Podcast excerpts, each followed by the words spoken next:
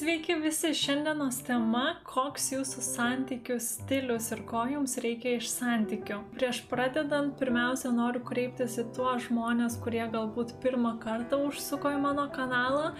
Tai a, visuomenėje, ko gero, kiekvienas žinome, kas yra zodiako ženklas arba horoskopo ženklas, kitaip sakant, tai astrologijoje yra Saulė, tačiau jūs esate ne tik jūsų Saulė, yra visa gimimo lentelė, kur yra ir kitos planetos bei kitos jūsų asmeni, asmeninės pozicijos. Todėl, jeigu esate naujas žmogus šiame kanale, ką paprašysiu padaryti prieš žiūrint šį filmuką, tai sustabdyti jį ir nueiti į mano kitą filmuką bei pasižiūrėti, kaip susidaryti savo gimimo lentelę. Jis yra labai trumputis, labai paprastas, vos, man atrodo, dvi minutės ar galbūt trys minutės. Ir tai padaryti labai lengva ir nuorodą į šį filmuką aš paliksiu šio video aprašymę apačioje. Taip pat jį turėtų iškilti štai čia viršuje.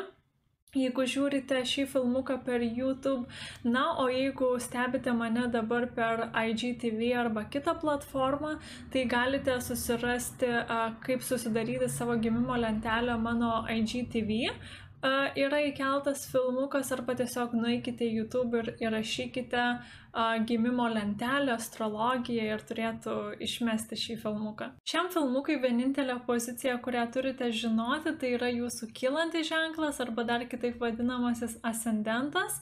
Na, o jei nežinote savo gimimo laiko, tiks tada ir Saulės ženklas. Jeigu jūs turite kylantį ženklą avinę liūtę arba šaulyje, Vadinasi, jog jūsų santykiai yra valdomi oro elemento arba stichijos.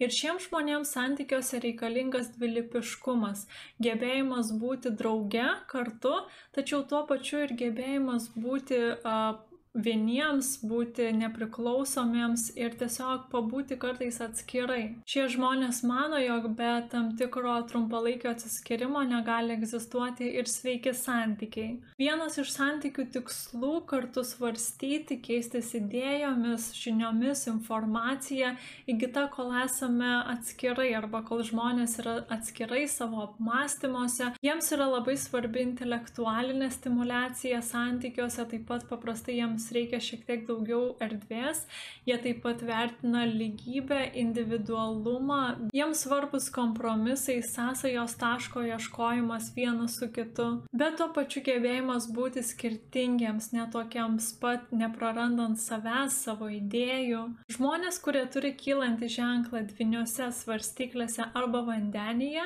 jų santykiai yra valdomi ugnies elemento. Ir šiems žmonėms santykiuose reikia šiek tiek instinktyvumo ugneliai palaikyti. Taip pat spontaniškumas yra svarbus elementas kaip ir valingumas, tiesumas, nebandymas eiti tarsi per aplinkui, bandant kažką pasakyti. Na, iš esmės nuoširdumas. Santykiuose jo žavi drąsa, jaudulys, kartais net konkurencingumas ar iššūkiai, ar galimybė užkariauti, ypatingai santykių pradžioje.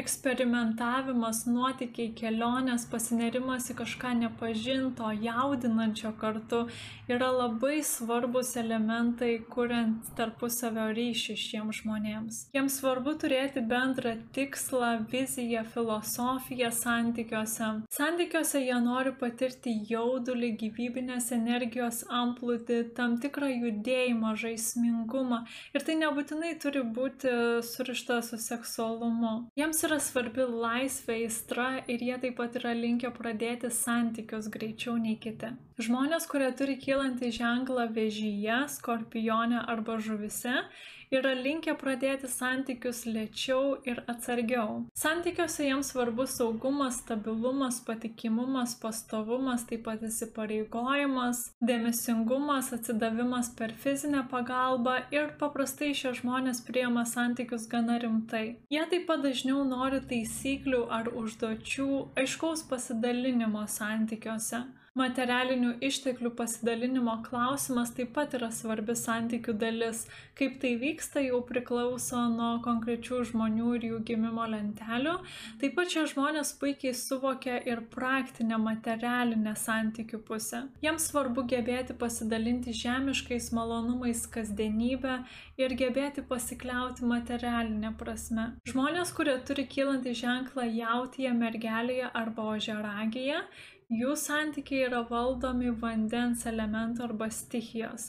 Ir šiems žmonėms yra labai svarbus santykio ryšio gilumas, žmogaus energetika, instinktyvus potraukis. Jiems taip pat yra svarbi empatija, supratimas ir šie žmonės dažniau turi idealizmo surišto su santykiais. Jiems svarbus vieningumas, bendrumo jausmas, paprastai jie nori giliai suprasti ir patenkinti kitų jausmus, poreikius, emocinius poreikius. To paties, žinoma, dažnai tikisi ir iš kitų.